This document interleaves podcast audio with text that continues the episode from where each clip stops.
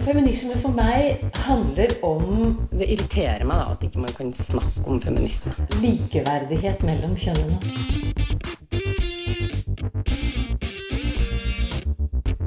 Det blikket på kvinnen på film. handlet det om å bli tatt på alvor som jente. Du hører på Et eget rom på Radio Nova. Yes, queen. Throwing shade, spilling the tea. RuPaul's Drag Race har brakt dragkulturen på banen. Men drag er mer enn det vi ser på RuPaul's Drag Race. I dagens episode skal vi se nærmere på mangfoldet i drag, og vie det norske dragmiljøet et besøk.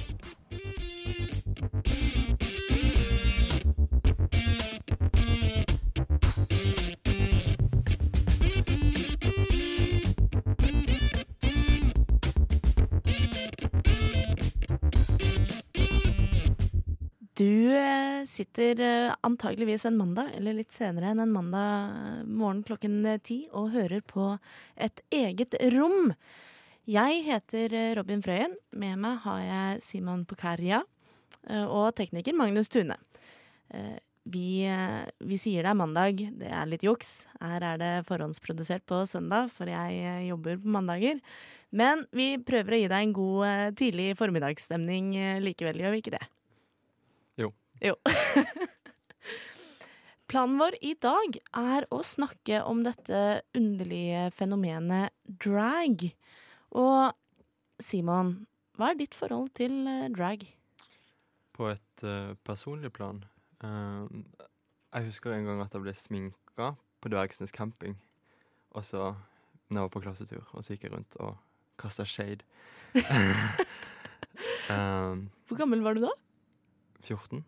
Ah, så gammel nok til at det liksom, du visste litt hva du holdt på med? Ja. Um, og så har jeg lest om drag på skolen. På universitetet. Ja, for du skriver jo nå en master i historie, eller jobber med en master i historie. Ja, jeg er i gang. Ja. Så jeg føler at eh, du er ganske sånn kompetent rent akademisk sett. Uff, dette er forferdelig introen. Å nei. Så vi kommer til å stille veldig høye krav og høye forventninger. Nei da, det, ta det med ro, det går nok fint. Eh, og jeg for min del også har jo skrevet eh, master om kjønn i litteratur, så jeg føler jo at vi har litt å bidra med. Men så din personlige erfaring med drag er eh, da du var 14. Uh, ja. Ja. Hva er din altså, ikke-personlige erfaring med drag? Eventuelt, eh, for å formulere det på en annen måte, hva har du lært om drag opp gjennom tidene som historiestudent, eksempel? Vel, jeg har eksempel lest i en bok som heter Mother Camp, eh, Female Impersonators in America, om kulturen sånn som den oppsto innenfor rammene av homomiljøet i de amerikanske storbyene. Um, vi kan kanskje utdype det litt senere, eller skal jeg ta det med en gang? Hva tenker du? Eh, jeg har alle ambisjoner om å be deg utdype det etter hvert. Ja. Eh, jeg for min del er eh, en sånn god tilhenger av RuPaul's Drag Race. Det var mitt første forhold ja, til minst, drag. Mm. Um, jeg følte jeg oppdaget det litt tidlig. Jeg var, litt sånn stolt av det, for jeg var på Tumblr i min tid. og oppdaget det sånn i sesong fire. Eh, og har fulgt tett med siden da. Og hver gang jeg er litt sliten og har det litt kjipt og kjeder meg litt, eh, så kan jeg finne på å se en sesong av RuPaul's Drag Race for ørtende gang. Um, Har du en uh, all-time favoritt? eh, sesong eller eh, drag queen? Drag queen? Katja. Katja, ja. Katja Fy søren, for, for et blikk. Hvis et blikk kunne drepe Katja. Å ja. Nei, jeg er veldig, veldig glad i Katja. Enn du, da? Har du noe forhold til RuPaul's Drag Race og noe favorittdronning? Det var hun som vant. Jeg har egentlig bare sett sesong syv. Eh, Jeg tror Ja. jeg het Viola. Uh, Violet. Violet. Uh. Det er den sesongen jeg ser på nytt hjemme nå. Skapte masse faenskap. Det var gøy. masse krangling på grunn Ja. at hun var, var så frekk. Ikke sant? Hun eh, kunne det å throw shade, som det heter. Men jeg var også så heldig at jeg var på utveksling et semester i Brighton i Storbritannia. Og Brighton er litt sånn på folkemunne kjent for å være Storbritannias San Francisco, eh, homohovedstaden i England. Og det følte jeg eh, traff ganske bra. For største, den største studentforeningen på University of Sussex, som da var universitetet der, var University of Sussex Drag Society. Eh, Det var eh, såpass eh, veletablert at jeg hadde vunnet Storbritannias beste studentforening eh, et par år. Eh, og var første gang jeg fikk se drag litt sånn eh, up close and real. og fikk se hvordan det var å faktisk begynne med drag. Ikke være en veletablert superdragstjerne som de på RuPaul's Drag Race, som har holdt på eh, kjempelenge og har eh, millioner av følgere på Instagram og sånn. Men her var det snakk om liksom vanlige britiske tenåringer, eller eh, for så vidt også utvekslingsstudenter, som fant ut at drag, det er det jeg skal drive med. Hva gjorde de da liksom for å, få dyrke fram sin indre drag queen? Eh, det var jo ikke bare drag queens, det var jo det første. Jeg tror det var Oh, eh, Det var mesteparten var drag kings eller ikke-binære drag, eh, som vi kommer tilbake til. Eh, Men det var jo også noen drag queens i tillegg, eh, som da opptrådte mye lipsync. eh, Men opptrådte sånn eh, man eh, forventer, men også da med en sånn ny sjarm for de som prøver det for første gang. Du hører på Et eget rom. Ja, du hører på et eget rom. Her i studio sitter jeg, Robin Frøyen, og prater med min gode venn og sidekick eh, Simon Pukaria om drag. Eh, og noe som eh, fort kan bli, bli stilt Et spørsmål som fort kan bli stilt når vi snakker om drag, er hva er drag? Og det kan være forståelig at det er et spørsmål som blir stilt. Ofte så har jo drag med kjønn å gjøre, i det at drag er en eh, på en måte litt amplified, altså en, en overdreven eh, presentasjon av kjønnsforventninger, enten i form av høye hæler, store kjoler, svært hår og eh, overdådige feminine bevegelser, eller den motsatte sida med overdreven maskulinitet, påtegna skjegg og sokker i underbuksa for å se så maskulin ut som mulig med da maskuline opptredener som følger. Men det er eh, viktig å huske på at drag og trans er ikke det samme. I hvert fall ikke som vi ser på det i dag. Vi snakket litt om dette på redaksjonsmøtet da vi planla, planla sendingen, eh, hvor spørsmålet dukket opp i form av liksom Ja, men hva er egentlig forskjellen på trans og drag? Og vi kom vel fram til at den beste måten å beskrive det på, er at drag i mye større grad er en kunstform og en performance, mens transidentiteter er nettopp det, en identitet som er knyttet til din kjønnsopplevelse. Eh, Så drag queens kan være helt komfortable i kjønnet de ble tildelt eh, ved fødselen, og drag queens kan også være trans. Men det at man er drag queen eller king eller driver med drag, trenger ikke si noe om kjønnsidentiteten din i det hele tatt, egentlig. Også sånn, I praksis så, trenger man ikke være homo for å drive med, med drag. Det stemmer jo for så vidt også. Eh, jeg tror vi fortsatt har til gode å oppleve drag queens som er hetero. Eller jeg tror ikke jeg vet om noen. Nei. Jeg vet at Katja, som var min favoritt fra RuPaul's Drag Race, hun er biseksuell. Ja. Uh, men det er vel egentlig det jeg vet. Kom frem, hverandre. Ikke sant?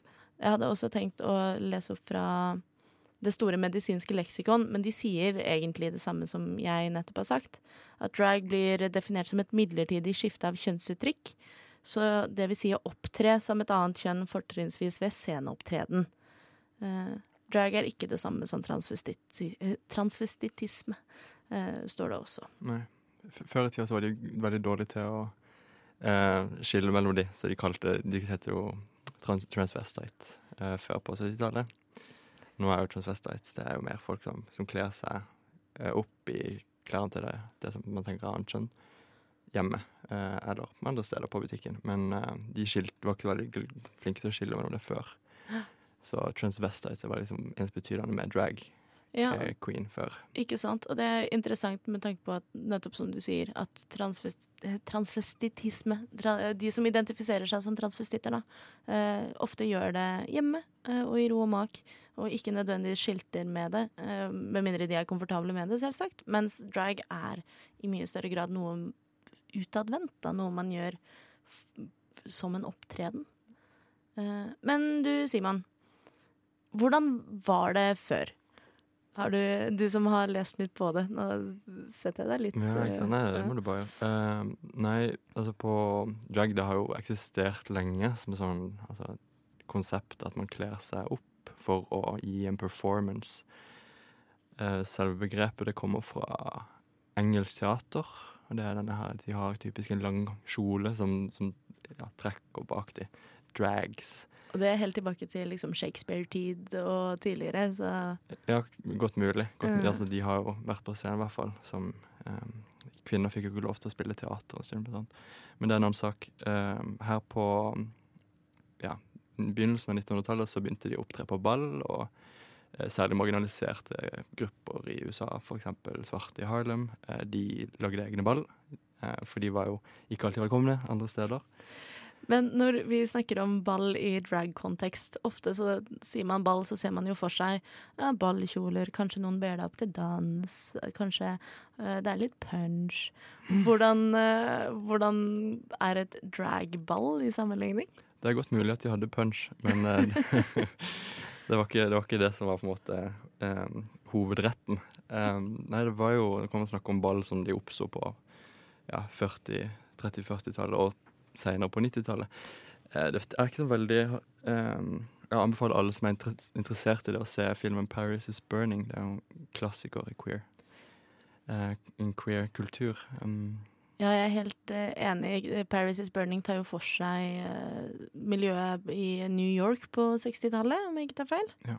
Uh, og jeg vil også gjerne anbefale serien Pose til HBO. Den ligger vel første sesong på Netflix, som også er en fiksjonell eh, serie satt til det samme miljøet, som også har en veldig fin eh, portrayal av disse ballene, og også den eh, gråsona mellom trans og drag.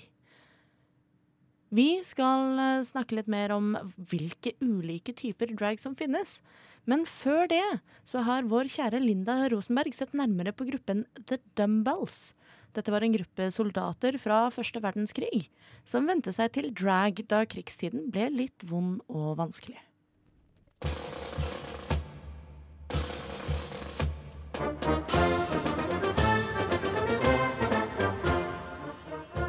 Det du hører her, er en av de store hitlåtene fra årene rundt første verdenskrig. Og det er ikke helt tilfeldig at du hører nettopp denne melodien. Sangen ble mye brukt av de mange gruppene som underholdt soldatene på slagmarken i Europa. Og det er en av disse gruppene du skal få høre mer om her.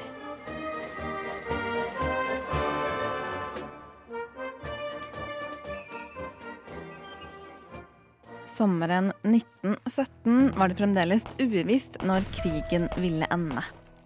Merton Plunkett, som var kaptein i en av de canadiske styrkene, og broren Albert hadde flere ganger satt opp improviserte show for å underholde medsoldatene i Frankrike.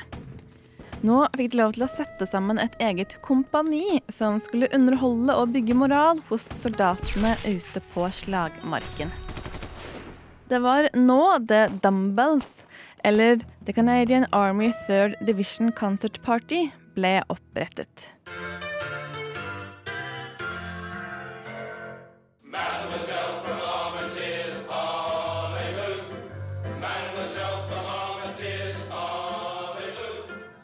Livet på slagmarken var tøff, og underholdningen måtte derfor være lystig og morsom. Showene besto derfor av satiriske sketsjer, parodier fra ulike sider av militærlivet, sangnumre og dans. Men det var særlig én ting som gjorde stor suksess blant soldatene. Parodier av kvinner.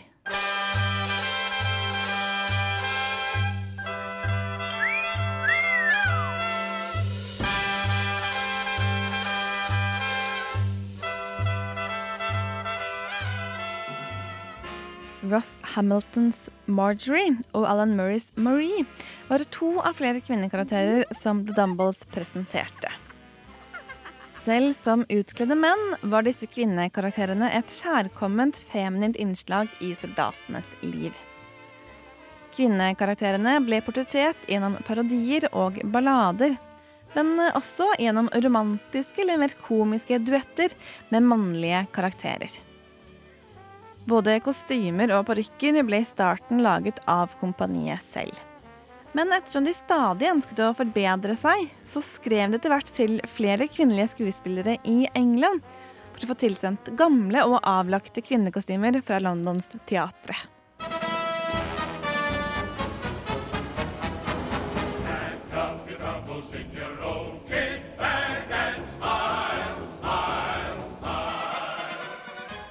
Sommeren og høsten 1917 var The Dumbles stadig på turné for å underholde soldater rundt omkring i Frankrike. Der soldatene var i kamp, der var også The Dumbles. Scenen ble ofte bygget opp inne i et telt, og det var ikke uvanlig at lyden av geværer var å høre i bakgrunnen. Selv om medlemmene egentlig skulle gå tilbake til sine militære oppgaver, fikk The Dumbles likevel i oppdrag å underholde soldatene ved fronten resten av krigen. Etterspørselen etter underholdning og avkobling økte gjennom våren 1918, og The Dumbles underholdt både på dag og kveldstid.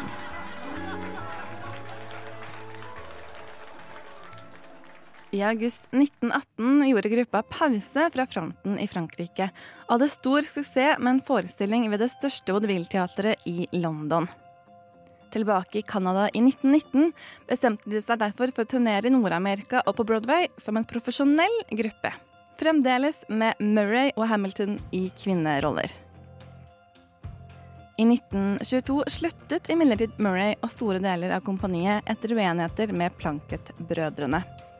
Kun Hamilton, med sin Marjorie, fortsatte samarbeidet med Merton og Albert Plunkett. Også med nye medlemmer på plass fortsatte Hamilton å gjøre kvinneroller på scenen. Selv etter at kompaniet tok inn kvinnelige medlemmer i 1928, forble Hamiltons Marjorie en del av forestillingen. Helt frem til The Dumbles gjorde sin siste turné i 1932. Det var eh, Linda Rosenberg som hadde et innslag om gruppen The Dumbbells.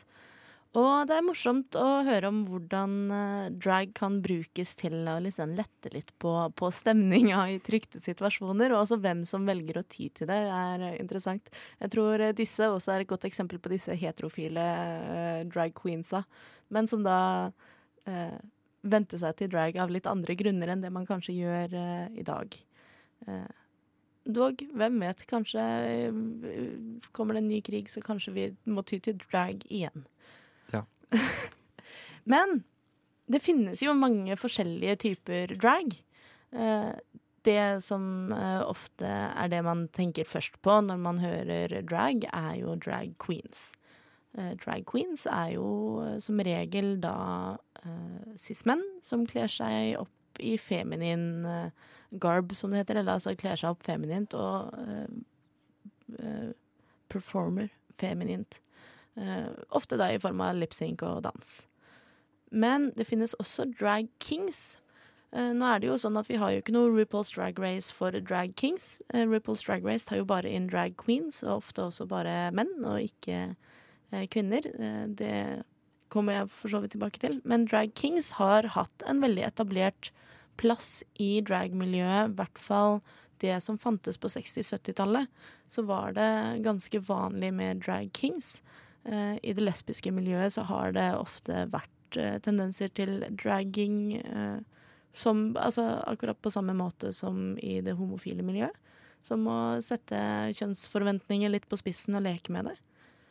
Men vi har også disse dronningene som eh, stiller opp som, eh, som drag queens, altså tar og drar det her feminine litt ekstra langt og leker seg med det, men som er uh, identifiserer seg som kvinner eller er født kvinner. Det er jo det vi kaller bio-queens. Okay. Uh, de har også blitt kalt faux queens, altså som i FAUX. Uh, nå er jo faux er det man bruker om f.eks. falsk pels eller andre ting som er falske. jeg vet ikke om det fortsatt brukes, men jeg syns det er litt sånn det er litt gammeldags å si at man er en falsk drag queen bare fordi man er, eh, er kvinne bak, bak kvinnekostymet, på en måte. Men det er da bio-queens i tillegg. Og nå, sakte, men sikkert, så vokser det jo fram eh, ikke-binære tolkninger av drag også, som eh, ofte tar både dette ekstremt feminine og det ekstremt maskuline og mikser det opp eh, etter beste evne, gjør tilskueren forvirra og nysgjerrig. Eller som eh, ikke gjør det så ekstremt, men heller eh, litt sånn eh, ambivalent, holdt jeg på å si. Litt vanskelig å vite. Er det kvinne, er det mann, hvor er det man skal med dette? Det var noe som karakteriserte de, de beste drag queensene på 70-tallet. At de var liksom de som fikk publikum til å glemme at det som sto på scenen, egentlig var en biologisk mann. Ja. Og så tok de til slutt så tok de av tangatruse, eller hva det var. Eller, nei, vet du hva, dette her er faktisk ikke Jeg tror ikke de var så drøye, men de tok av på en måte BH-en, falske puppene. Og så var det liksom, der var det bare mannepupper. Og så var lo alle, ikke sant. Ja, ikke sant? ja, for det jo, har jo alltid vært litt sånn status, føler jeg, i dragmiljøet, er jo dette med å passe. Ja. Eh, så, Vil du forklare det, det begrepet? Ja, å passe er jo da å passere som det kjønnet man prioriterer. Eh, og hvis du ikke passer, så er du clockable. OK. Så da kan noen clock your look. Eh, men eh, det finnes jo også, eh, i tillegg til liksom hvilke, hvilke kjønn man går etter, sagt, så finnes det jo også veldig mange ulike måter å gjøre drag på uh, innad i de ulike draggruppene. Uh, det tenker jeg at vi kan snakke mer om etterpå, for jeg vet at du, Simon, du kan en del om det som heter camp. Hva jeg kan? Ja. masse, masse kan du. Og litt om street drag kontra scenedrag osv. Men før det skal du få høre ei lita låt. Can I begin?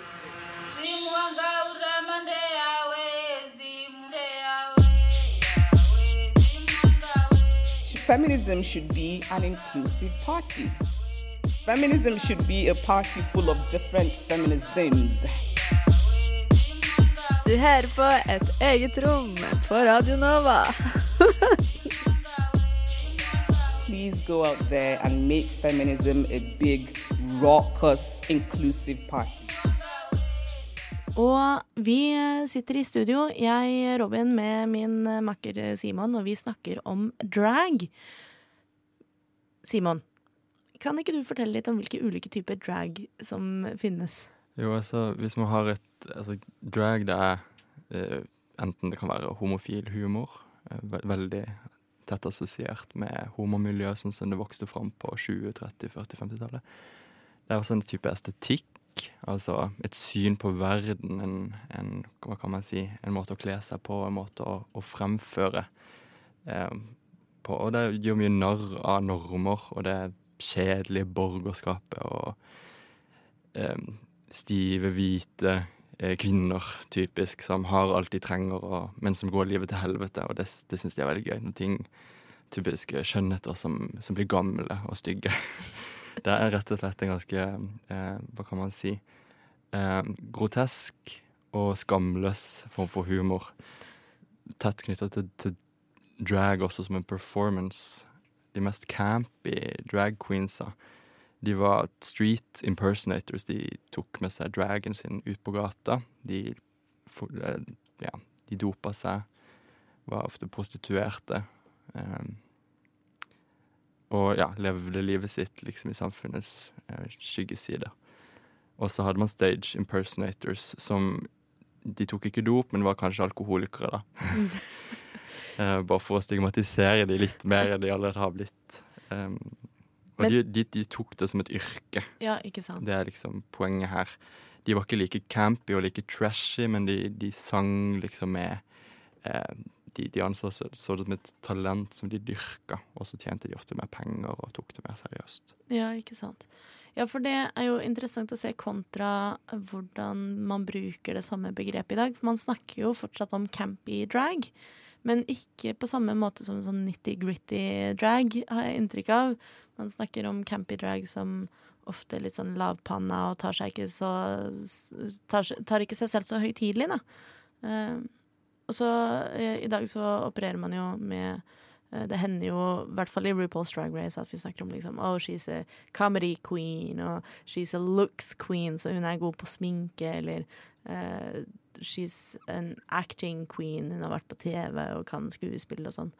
Men det er jo i, altså, i virkelighetens eh, dragmiljø eh, ofte behov for at man er litt mer allround, eh, har jeg inntrykk av. At eh, du må kunne lipsynke, men du må også kunne ha litt eh, selvironi og ha litt humor. Fullstendig, fullstendig. Mm. De som gjør det live, de er ofte veldig kjappe i replikken. Så er det noen som går opp, disse her typisk street impersonators, sånn, som gikk opp på scenen bare for å disse publikum, og så lo folk av det. Eh, litt forskjellige stiler, men eh, de som er nå, hvordan kan man karakterisere de? De som du var på dragshow i går, hvordan var det? Ja, det, det kommer vi tilbake til. Jeg har laget en hel reportasje som kommer mot slutten her. Eh, men der også merker du jo veldig det at drag Altså, drag slik det blir framstilt på RuPaul's Drag Race, virker nesten litt statisk. At det er eh, TV-personligheter, og at de kanskje har litt Instagram og YouTube og sånn. Og det som eh, kom tydelig fram på scenen i går, og som også noen ganger kommer fram i RuPaul's Drag Race, men kanskje ikke like tydelig, er jo at drag i veldig stor grad er en sceneaktivitet. At det er snakk om å stå på en scene og kunne beherske kontakten med publikum godt og være eh, spennende, morsom, interessant, hva enn du fokuserer på. Men at man kan ikke Alle dragartister er ikke på RuPaul's Drag Race og kan bli berømte på den måten. Man må begynne på utestedene. Ja. Har jeg inntrykk av, i hvert fall. da. Gjør som Lady Gaga, begynn på utested. Ja. Ikke at hun er drag. Hun er Og det også har jo blitt omdiskutert. Hun har jo dukket opp på om det var en Grammys-utdeling utkledd som Rani. Eh, da som en drag king. Ja, hun har gått utkledd som litt av hvert. Som et stykke kjøtt og Ja da, det er litt piggete ball. Ja, det er mye kontrovers. Eh, mye Stiller mye politiske spørsmål ved samfunnet ved å kle seg opp som et kjøttstykke. Så hun er et godt eksempel på camp, men kanskje ikke nødvendigvis drag. Jeg vet ikke om hun identifiserer seg så sterkt med akkurat det. Ja, nei, det tror jeg du har rett i. Jeg har eh, gått ut og pratet med noen som kan dette enda litt bedre enn oss to. Og det er uh, dragartisten uh, Cassie Brødskive, eller Jens Martin, som han også heter. Det er fantastisk. Jeg er så heldig at jeg sitter her med deg, eh, Jens Martin Hartvedt Arvesen. Eh, også kjent som Cassie Brødskive, stemmer det? Stemmer. Mm. Fra Princess Delicious. Fra Princess Delicious. Eh, kan ikke du fortelle litt om deg selv? Altså, jeg eh, er eh, en frilans danser og dragartist. Fullførte mastergrad i dans eh, i vår. Så dette er første høsten min etter masteren, da. Ja, for du har holdt på med, i hvert fall med drag en liten stund, har jeg skjønt. Seks år. Ja. Hvordan begynte du med drag? Det var nok kanskje fordi eh, at eh, jeg ikke fikk rom til å utforske alle sidene av meg selv da, innenfor eh, heteronormative, heteronormative kunstformer. Og føringer og utdanninger. Men hvordan oppdaga du at drag var et alternativ i det hele tatt? Altså, jeg var jo liksom i dragmiljøet allerede i Norge, så jeg visste jo at ting fantes, og jeg dansa jo for dragartister før jeg begynte med drag. Eh, men jeg tror nok at det som fikk meg til å virkelig eller til å liksom ta det steget, var faktisk RuPaul's Drag Race, da. Ja. Selv om jeg liksom ikke helt vil innrømme det, men det var faktisk det. Og liksom Sharon Needles i sesong, fire. Ja, det er jo ikke til å unngå at man snakker litt om RuPaul's Drag Race og den eh, påvirkninga eh, det programmet har hatt for drag populærkulturen i dag. Det er jo en gateway, liksom. Altså RuPaul's Drag Race er en gateway til drag. Og synligheten for, av RuPaul's Drag Race har på en måte åpnet døren for drag for veldig mange. Som også som gjør drag på andre måter enn nå, da, enn RuPaul's Drag Race. Men allikevel så er det liksom en entryway da, inn i det, og så kan man gå videre derfra. Hvordan fikk du kontakt med det norske dragmiljøet? Var det slik at du først var gjennom det norske dansemiljøet, eller var det Ja, eh, og så møtte jeg en Eller det var Skeiv Ungdom, da. Så første gang jeg så et dragshow, det var i 2009. Det var Trash Girls. Eh, de er jo lagt ned nå, da, og Extos blitt. Så det var veldig inspirerende, syns jeg, da, å se Trash Girls i 2009. Var det på et Skeiv Ungdom-arrangement? eller? Jevnalder. Ah, ja, på sommerleiren deres. Ja. Hvorfor driver du med drag? Du har vært litt inne på det med tanke på liksom utfoldelse og sånn, men hva føler du at du får ut av drag, eller i hvert fall den dragen du driver med? For det første syns jeg det er viktig at mange gjør det. Og gjør det på mange steder i Norge. Altså, jeg driver med det fordi jeg ser det er et vakuum da, i noen deler av drag eh, som jeg prøver å fylle.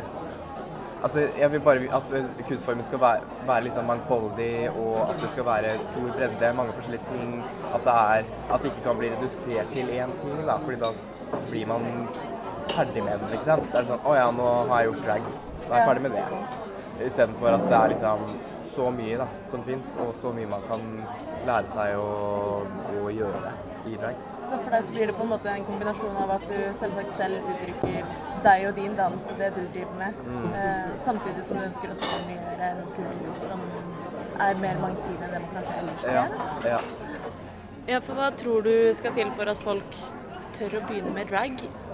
Jeg tror man liksom må være raus, altså de som holder på med drag, da, og man må være raus med kunnskapen sin. Og sånn at folk kan oppsøke den hvis de vil. Og de som har holdt på lenge, altså sånn typ 40 år, de burde også være rause med, med sin kunnskap. Eller jeg savner kanskje litt mer eh, artikler og sånn, da. At folk faktisk skriver litt faglig om det de kan og det de har gjort. Og at de på en måte synliggjør det som har blitt gjort før. Ja, så Ikke bare sånn som oss i et eget rom som er liksom utenfor og spør inn, men også at de som har holdt på med det, eh, deler for egen Ja, maskin. de aktivt liksom deler kunnskapen. Og ikke sånn derre Hei, vil du ha, ha meg som regissør? Eller altså Ikke selvpromotering nødvendigvis. Ja, ikke det, men mer sånn derre Jeg bare kaster dette her ut. Ta, bruk det de som vil, de som kan. Vi må trenge mer fagstoff og, og perspektiver på drag i, i Norge. Og det er mange som har mye. For de som ikke vet hvem Cassie Brødskive er, hva er det du gjør når du er på en scene? Jeg gjør mye forskjellig. Det blir jo en del lipsynker, da. Eh, og så er jeg litt sånn Jeg kaller meg selv en transformation light drag-artist. Eh, performance artist, drag performance artist.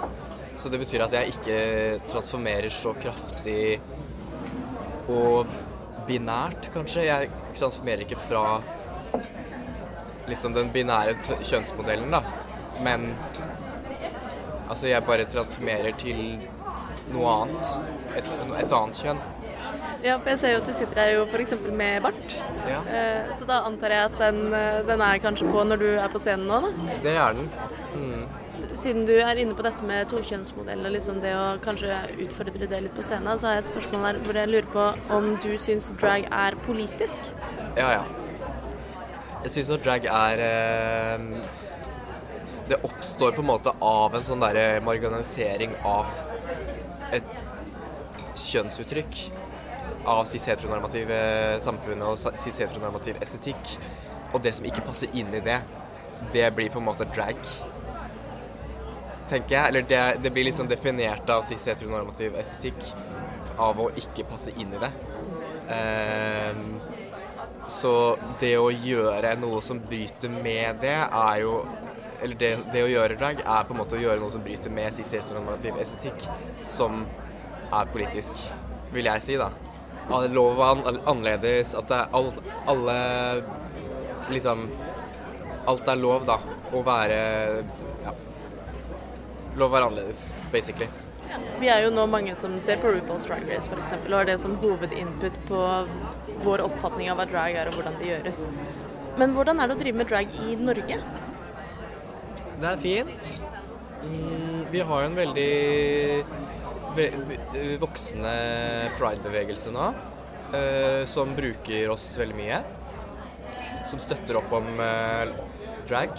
Eh, lokal norsk drag. Og så er det selvfølgelig noen prider som bruker veldig mye utenlandsk drag, men det får være greit. Det er, det er jo mye Altså, vi trenger jo impulser fra utlandet også, på en måte, tenker jeg. Eh, og det er jo mye mer ved utenlandsdrag enn det du ser på TV. Når, de, når du ser dem live, så er det noe helt annet. Men det er mye Vi har mye å gå på.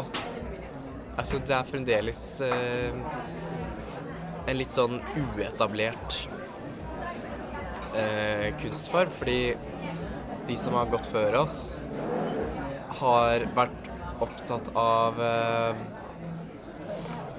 sin egen suksess, kanskje. Og på en måte når vi begynner nå, så er det liksom Vi har ikke så mye å bygge videre på, da. Men det er i endring. Så dette er det jeg snakket om i sted med kunnskapsdeling og sånn. Kunnskapsformidling. Eh, at det burde man gjøre. Ja, så jeg føler liksom at vi må bygge et slags sånn felt da det er mange funksjoner som mangler. Jeg syns på en måte det er rart og ikke rart at vi ikke har en drag-utdanning, f.eks. Men det er jo litt Hvor mange hadde gått på den, da? Liksom. Så jeg skjønner det, men samtidig så er det liksom ikke sted i Norge hvor du kan gå på skole for å lære alt det du trenger til å gjøre drag. Alt. Altså da blir det jo på en måte transformasjonstekniske fag og eh, utøver eh, Altså det å stå på scenen, scenisk formidling, og teori, tenker jeg da, blir veldig viktig i en sånn utdanning. Hvor er liksom dragjournalistene? Hvor er eh, faglig dragansvarlig i Skeivt arkiv?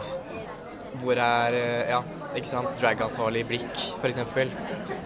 Og hvor er drag-akademikerne? Og hvor er liksom dragkunstnerne som definerer det de gjør som drag også? Som sier ja, dette er drag, jeg driver med dragkunst. Vi intervjua jo deg og Remi fra Princess Delicious i 2016. Syns du det har vært noen utvikling i dragmiljøet, og da kanskje særlig det norske dragmiljøet, i løpet av de siste tre årene? Har det skjedd noe? Det er mange nye. Absolutt. Det er mange nye. Og sånn som eh, House of Divas og X-Dolls og vi av liksom den nye generasjonen, da. Og nå har det kommet et nytt eh, hus i Bergen, House of Friele.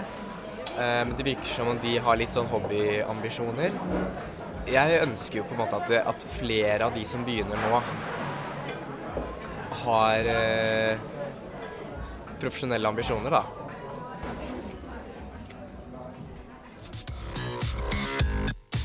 Faen, er du homo? Ikke homo. Jo, kanskje jeg er litt homo, da, men Du hører på Et eget rom på Radio Nova. Ja, du hører på Et eget rom på Radio Nova, og du hørte nettopp et intervju med dragartisten Cassie Brødskive, også kjent som Jens Martin Hartvedt Arvesen. Jeg møtte Jens Martin på Jungs eh, i de gamle lokalene til Kulturhuset eh, på Jungstorget rett ved siden av Folkepassasjen. Der skulle det være et arrangement senere samme kveld. Jeg hadde fått det med meg fordi jeg hadde en venninne som skulle debutere med en opptreden.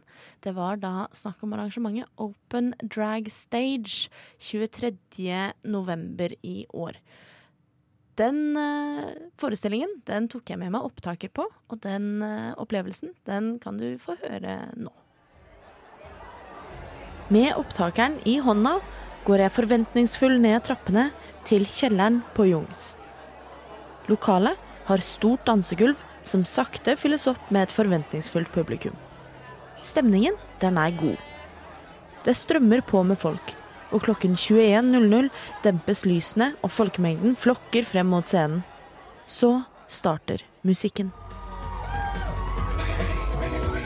Det hele starter med en lipsync fra gjengen i Princess Elicious, og stemningen står allerede i taket. Publikum hviner. Produsentene Elektra Puzz og Nabien Geisha ønsker oss velkommen. Open Drag Stage er en scene hvor dere kan oppleve både profesjonelle og helt ferske artister. Vi ønsker å utvikle fenomenet drag, så det er gjerne her man opplever avantgarde. Ja, og siden oppstarten så har vi hatt show masse forskjellige steder. Vi har hatt på Gaybarn elsker, og vi har hatt på Vi har hatt på Kulturhuset. Vi har hatt under Elveland, Oslo Kulturnatt. Og nå tidligere i november så varmet vi opp for Scarlett Envy fra RuPaul's Rag Race.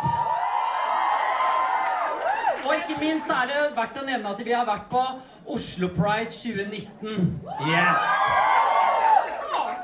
Deilig.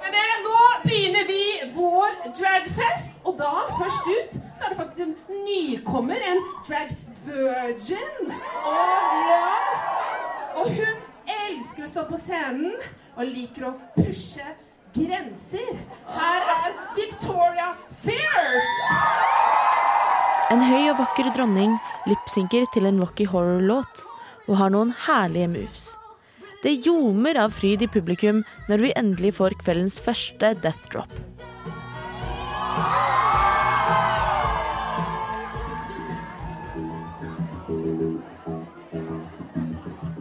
En person står på scenen med vilt svart hår som dekker ansiktet. Hælene er skyhøye og i blank, svart lakk. Musikken er teknisk og rytmisk.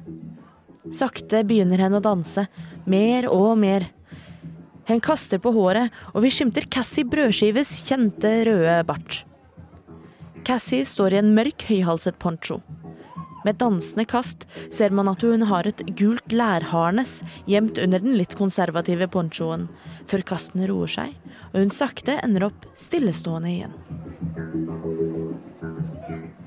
Dere skal nå få hilse på en, eh, en annen eksperimentell eh, dragartist fra Libanon.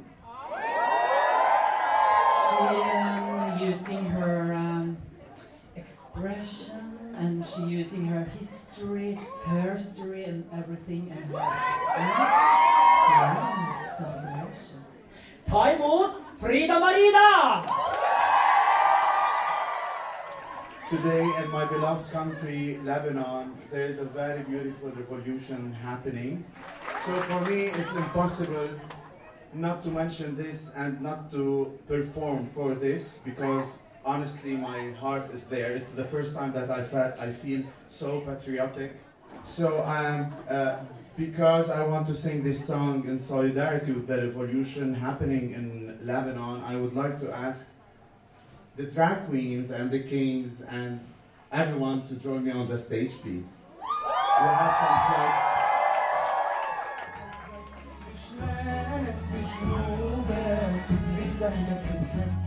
De andre drag-deltakerne fyller scenen, veiver med libanesiske flagg, og en drag-king står med en massiv tromme og slår takten. Midt i dette står den skjeggete damen med rødt hår og et lysende brystparti og synger forheksende på libanesisk mens hun slår på en tamburin. Det er noe forheksende vakkert over det hele.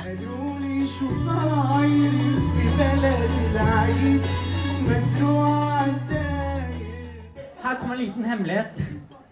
Eh, dere tror sikkert, særlig du, tror sikkert at jeg ser sånn ut hele tiden. Det gjør jeg. Ja, det er fint. Eh, men eh, jeg har faktisk en annen jobb hvor jeg tjener penger på. Og det er som drama- og teatertante. Ja. Det, og det er faktisk en vernetittel, så det er ja. Man kan ikke kalle seg dramatante uten en ordentlig Jeg har faktisk en mastergrad i, i dragging. Nabieon Geisha forteller om sin utdanning som dramatante. Straks drar hun tre personer fra publikum opp på scenen og gir dem rollen som hver sin finalist i RuPaul's Drag Race UK. En slager strømmer over anlegget, og de tre begynner å danse. Virkelig danse, med spagaten, death drops og store mengder lidenskap. Showet går videre. Nabieon Geisha har et lekent strippeshow med ny sang for hvert plagg, mye innlevelse og humor. En annen artist serverer oss sensuell burlesk med twerking, erotika og en flaske champagne. Det blir gjort en duett mellom Cassie Brødskive og en av kongene fra gruppen Gutta. En lipsync til en Frozen-låt og en til Boogeyman fra Nightmare Before Christmas. Og en creepy dans fremført av dronningen Creepy Crawley iført et imponerende kjoleskjelett og lange, svarte klør.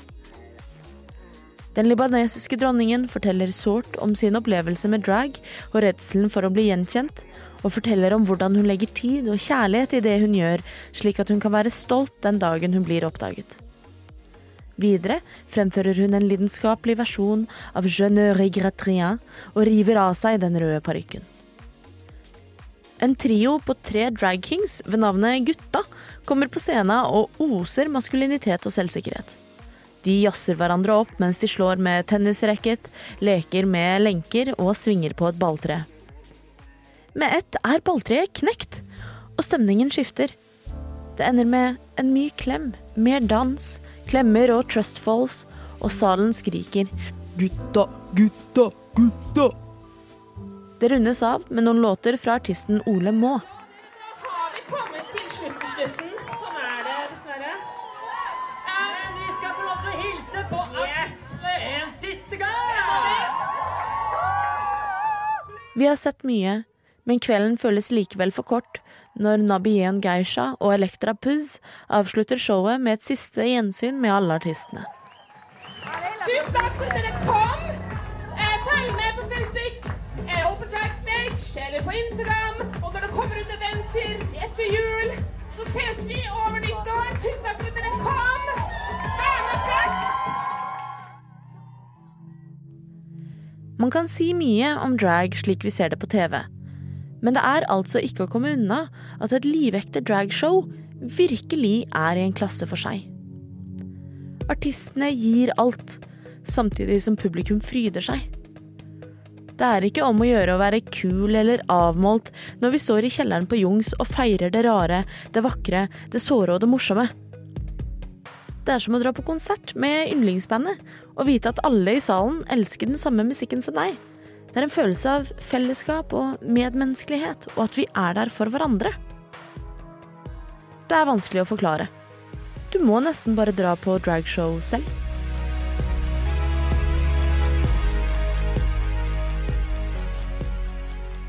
Du hørte nettopp en liten reportasje fra min opplevelse på Open Drag Stage nede på Jungs lørdag 23. november. Altså i går for oss, og kanskje lengre tid unna for deg som hører på.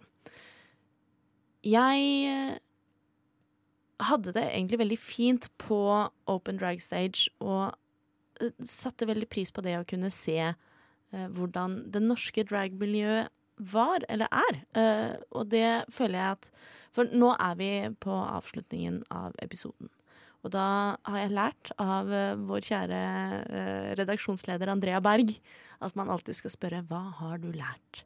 Og jeg føler at jeg har i hvert fall lært at det norske dragmiljøet er ganske mye større og mer imøtekommende enn det jeg kanskje hadde forventa før jeg dro på Open Drag Stage.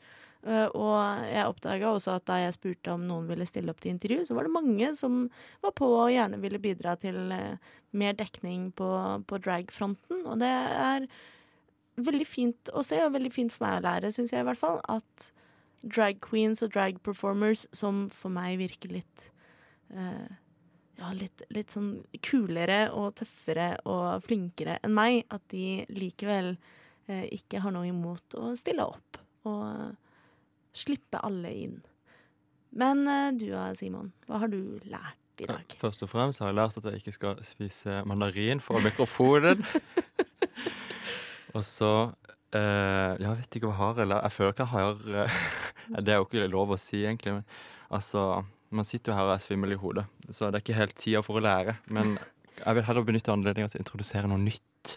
Ja. Og det er rett og slett eh, noen, en sosiolog som har snakka om marginaliserte grupper. At de har et lite univers med to poler. På den ene polen så er det typisk at de har de som er veldig, går inn for å være veldig respektable.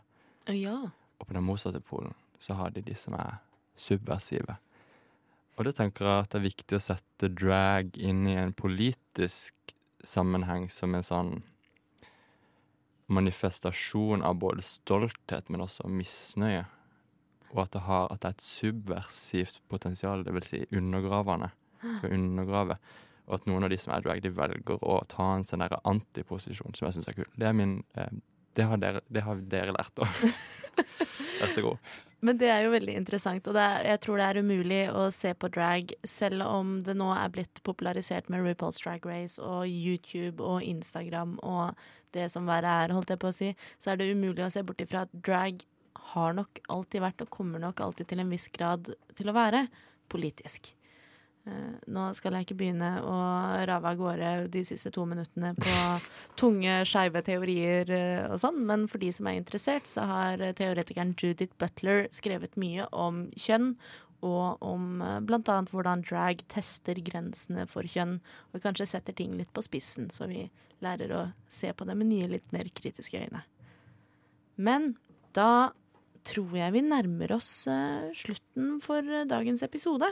Hvis vi skal oppsummere, så tenker jeg at eh, det har vært nyttig å snakke om eh, denne forskjellen mellom eh, transvestitisme og drag, eh, som du snakket om, Simon. Det tror jeg er veldig nyttig, og også en eh, skillelinje som var litt gråere før eh, enn det den er i dag. Nå tror jeg det er veldig få som setter pris på merkela, merkelappen transvestitt, der det kanskje på 50-tallet og 60-tallet var litt mindre feil. Eh, og også denne forskjellen mellom eh, trans og drag tror jeg er veldig viktig å påpeke. Veldig viktig. En gang iblant også at eh, det ene har ikke nødvendigvis utslag for det andre. Og så syns jeg det er viktig, da, å kunne snakke om drag queens og drag kings og bio queens og non-binary performers, og peke på at drag er mangsidig. At det er eh, et stort mangfold som man ikke nødvendigvis får se alltid. Men aldri, aldri glem arven til homokulturen Ja. samtidig. Altså, det har jo vokst fram der, og det har vært kjempeviktig. Eh, Så det er når folk tar til seg slang og sånn fra, fra homoverdenen uten å attribuere det til dem og gi respekt Eh, Nei, nå, dette, nå skal ikke jeg Stopp! det stopper der. Nei, men det, du har helt rett i det at man må vite hva man eh, hva det er man går og siterer, hvem det er man låner fra, og hvilken historie som ligger bak. Det syns jeg er en, en god eh, eh, en god note å slutte på. Yes, queen. yes, queen work! Nei, man må huske at uh, det er noen som står bak det hele. Og at de har kanskje jobba ganske mye hardere enn det vi trenger å gjøre for å bruke de samme begrepa på radio, for å si det sånn. Og med det så takker vi for i dag. Jeg håper du har eh, lært litt mer om drag, hvordan drag foregår i dag, foregikk før, og hvordan det foregår i Norge. I studio i dag har du hørt Simon Pukerja og meg, Robin Frøyen, snakke om drag. Du har hørt et innslag fra Linda Rosenborg, og med oss på teknikken har vi hatt Magnus Tune. Husk å sjekke ut Et eget rom på Instagram. Vi gir deg julegavetips hele desember. Og her får du låta 'Addicted' av Bård Berg og Kristin Myhrvold. Du har hørt en podkast fra Et eget rom på Radio Nova. Vil du høre mer? Sjekk ut Et eget rom på Facebook, Instagram eller radionova.no.